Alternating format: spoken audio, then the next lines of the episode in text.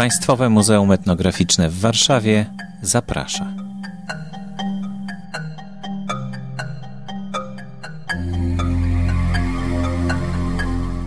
Dzień dobry Państwu, nazywam się Alicja Mironiuk-Nikolska. Jestem koordynatorem projektu Gorzki Smak Art Brut badania kolekcji wystawy w Polsce na przełomie XX-XXI wieku.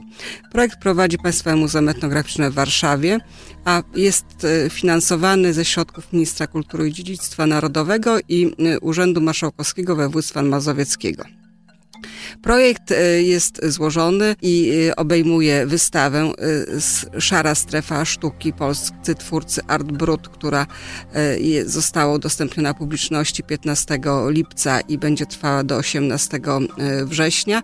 Wystawa jest w tej chwili udostępniona i zbudowaliśmy ją ze zbiorów własnych, ale także ze zbiorów y, Muzeum Etnograficznego w Toruniu, ze zbiorów Muzeum Śląskiego, a także z kolekcji prywatnych. Y, z najważniejszej chyba dzisiaj w Polsce, z polskich kolekcji y, sztuki Art Brut, kolekcji pana Leszka Macaka z Krakowa także z y, kolekcji pana Andrzeja Kwasiborskiego z Płocka, pana Jana Ostrogi y, z y, Krakowa, a także artyści udostępnili nam pracę ze, z własnych zbiorów.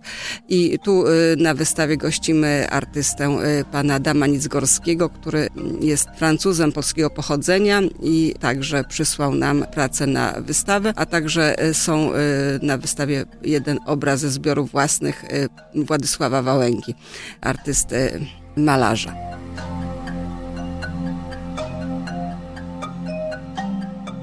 Na wystawie prezentujemy e, pracę 31 e, artystów. E, wyboru dokonała kurator wystawy, pani profesor Uniwersytetu Pedagogicznego w Krakowie Grażyna Borowik i są to zarówno prace artystów już klasycznych, nieżyjących, ale także artystów współczesnych, którymi zajmuje się, bada pani, pani Borowik. Jest to artystka i uznana kuratorka także wystaw Art Brut, więc tym bardziej cieszymy się, że możemy gościć autorytet i przygotowała nam tę wystawę.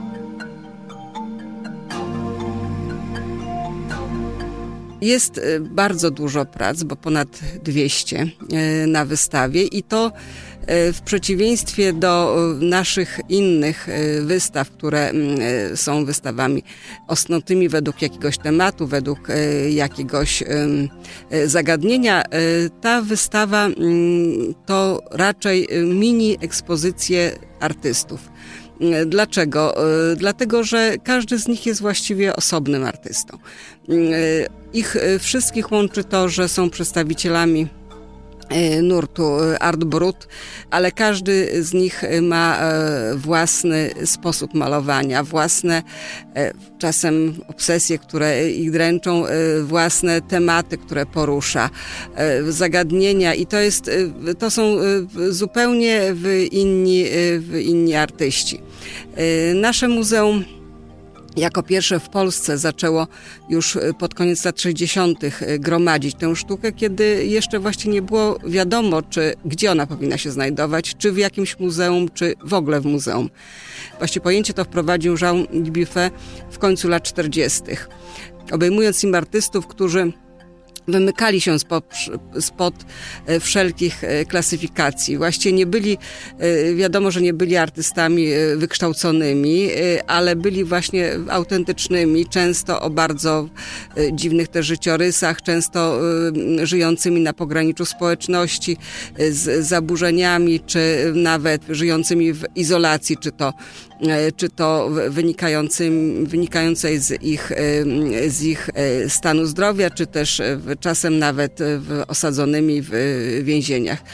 Dibife bardzo pilnował, aby tym pojęciem art brut nie objąć zbyt wielkiej liczby osób tworzących, bo odróżniał sztukę, sam był artystą, więc odróżniał sztukę od twórczości, ale nie określił granic, więc właściwie do dzisiaj te granice są, czy kryteria są dosyć płynne i niektórzy różni badacze do tego kręgu artystów przypisują też różnych artystów, czasem, czasem się wykluczającym. Ale wracając do naszego muzeum, właśnie w latach 60. dyrektor ówczesny profesor Ksawery Piwocki, który był E, sam artystą. E, jak mówił, e, po długich, po długich przemyśleniach kilkumiesięcznych wraz z pracownikami podjął decyzję o tworzeniu tej kolekcji. Działo się to po bardzo takiej głośnej wystawie zagranicznej sztuki, tej nieprofesjonalnej czy naiwnej, którą wówczas zorganizował Aleksander Jackowski, kierownik pracowni sztuki nieprofesjonalnej Instytutu Sztuki Polskiej Akademii Nauk i na którą to to wystawę zgromadził e, niesamowite e, dzieła właśnie sztuki, które później zostały umieszczone w kolekcji naszego muzeum. I od tamtej, od tych, kiedy jeszcze nie mówiło się właśnie o Art Brut, mówiło się o sztuce naiwnej, o prymitywizmie, więc ta nasza kolekcja powstaje ale y, profesor y, Borowik uzupełniła y, tę wystawę dziełami artystów, z którymi współpracuje w Stowarzyszeniu Psychiatria i Sztuka, z którymi też ma kontakt poprzez warsztaty terapii zajęciowej Szpitala Specjalistycznego imienia doktora Bagińskiego w Krakowie, więc bardzo e, bogaty, bogaty zestaw. Więc e, na wystawie są prace zarówno klasyków Edmunda Monsiela, z naszych zbiorów mamy naj większą kolekcję prac e, Monsiela w polskich i myślę, że w europejskich e, też muzeach. Na wystawie też e, znajdują się prace artystów z pogranicza takiej sztuki ludowej jeszcze, naiwnej, art brut, czyli prace Karola Wójciaka-Herutka, Stanisława Miki, czy Heleny Szczepawki-Ptaszyńskiej. Ale są e, prace Adama Nicgorskiego, artysty, e, którego życiorys właściwie nadaje się też na, na film, nawet o losach, o losach Polaków. Są też prace artystów niepełnosprawnych intelektualnie, w tym znakomitego artysty Adama Dębińskiego, bar uznanego, ale też e, Henryka Żarskiego, Tadeusza Głowali. Mamy e, z naszych zbiorów wspaniałe rzeźby prezentowane na, tych, na tej wystawie z lat 60. E, Stanisława Zagajewskiego i wielu jeszcze innych artystów, w tym także naszą mini kolekcję prac Justyny Matysiak, która kilka lat temu otrzymała Grand Prix na wystawie Insita w Bratysławie, w najważniejszym takim przeglądzie e, sztuki e, Art Brut e, w Europie, który no niestety już teraz zaprzestał swojej działalności. Mamy pracę Ryszarda Koska i można wymieniać właśnie 31 wybitnych, bo każdy z tych artystów jest oryginalny i uznany przez, przez znawców i to są prace od bardzo skomplikowanych warsztatowo, jak w przypadku Władysława Wołęgi, o niesamowitej, artysto niesamowitej wyobraźni do prac wydawało się prostych, dziecinnych, tak jak e, prace e, Włodzimierza Rosłona, e, czy w takich grubo ciosanych też, też figurek. Uważam, że każdy z widzów znajdzie na tej wystawie coś dla siebie, szczególnie, że, że sztukę Art Brut, mm, sztuką Art Brut zainteresowało się teraz chyba kolejne pokolenie odbiorców sztuki, bo widzieliśmy wybranych artystów na wystawie w Muzeum Sztuki Nowoczesnej. E, widzimy teraz e, pracę też e, na takiej wystawie Krew Roberta Kuśmirowskiego w Galerii Fundacji Foksal, ale tam prace są pokazywane właściwie według idei kuratorów. My oddajemy głos artystom. Staramy się, aby oni mówili y, własnym y, głosem, żeby można było sobie wyrobić własną opinię mm, na temat ich twórczości i ocenić, podziwiać. Także niczego nie staramy się ich interpretować, nie narzucać też interpretacji widzom.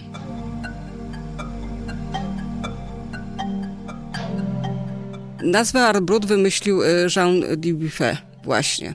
E, to był koniec lat 40., e, kiedy znużony właściwie e, sztuką profesjonalną brakiem oryginalności, wtórnością, zaczął poszukiwać czegoś, co jest świeże, oryginalne, inne i autentyczne, przede wszystkim autentyczne. No i właśnie wymyślił taki termin dla, dla, tej, dla tej sztuki.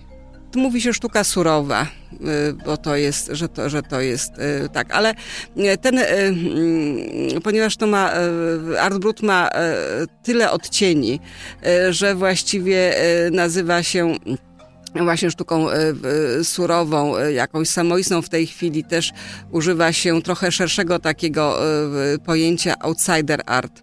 Także to jest sztuka samorodna, więc bardzo jest wiele interpretacji, ale taka najczęściej przywoływana, że mówi, że to jest sztuka właśnie surowa.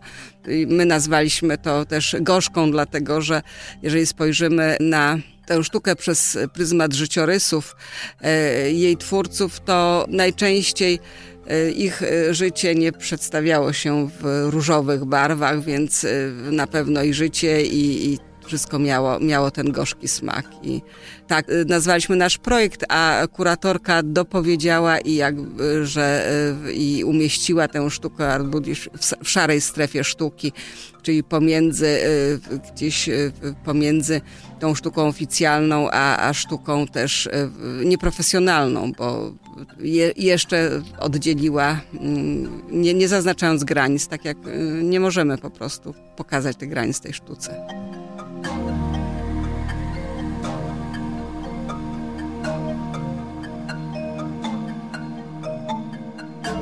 Uruchamiamy też podstronę na naszej y, y, stronie internetowej, gdzie będziemy zamieszczali biogramy wszystkich twórców. Na wystawie oprócz obrazów przy każdej, przy każdej tej mini ekspozycji y, zamieściliśmy biogramy twórców, takie skrótowe, mm, ale wydaje mi się, że to co najważniejsze, o ich, najważniejsze fakty z ich życia przedstawiliśmy. Także można e, w internecie e, znaleźć e, tych artystów. Wydawane są różne katalogi, ale one e, są, e, te, które w wersji papierowej są e, mniej dostępne.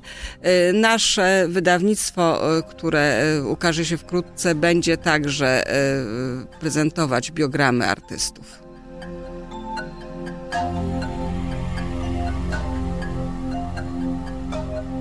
Wystawa potrwa do 18 września.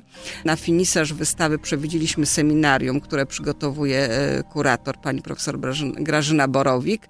I zaprosiliśmy e, do udziału w tym seminarium badaczy i kolekcjonerów sztuki Arbrut polskich e, przede wszystkim. To seminarium jednodniowe i porozmawiamy jeszcze o kondycji tej sztuki, o tym właśnie, w którym jak e, wyglądają badania e, i też e, kolekcje muzealne, ale też prywatne, bo, bo coraz częściej słyszymy właśnie o kolekcjach też prywatnych tej sztuki. Spotkanie będzie miało charakter otwarty. Będzie to piątek i zapraszamy, zapraszamy wszystkich na naszej stronie e, internetowej www.etnomuzeum.pl. Będziemy umieszczać e, już na początku września informacje i przypomnienia o seminarium. W drugiej połowie sierpnia i e, na początku września zapraszamy także na oprowadzania kuratorskie po wystawie. Dokładne terminy także będą na naszej stronie i na Facebooku będziemy zamieszczać.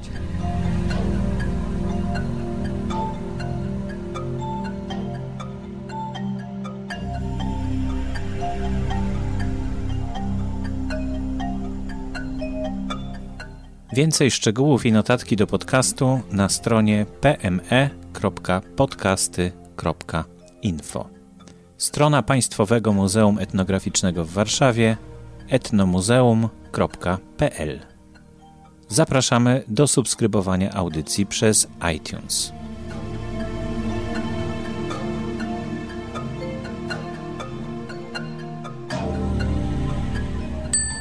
Podcast wspierany jest przez Fundację Otwórz się. Możesz pomóc w tworzeniu kolejnych audycji, przekazując dotacje na stronie otwórzsie.org.pl. Dziękujemy.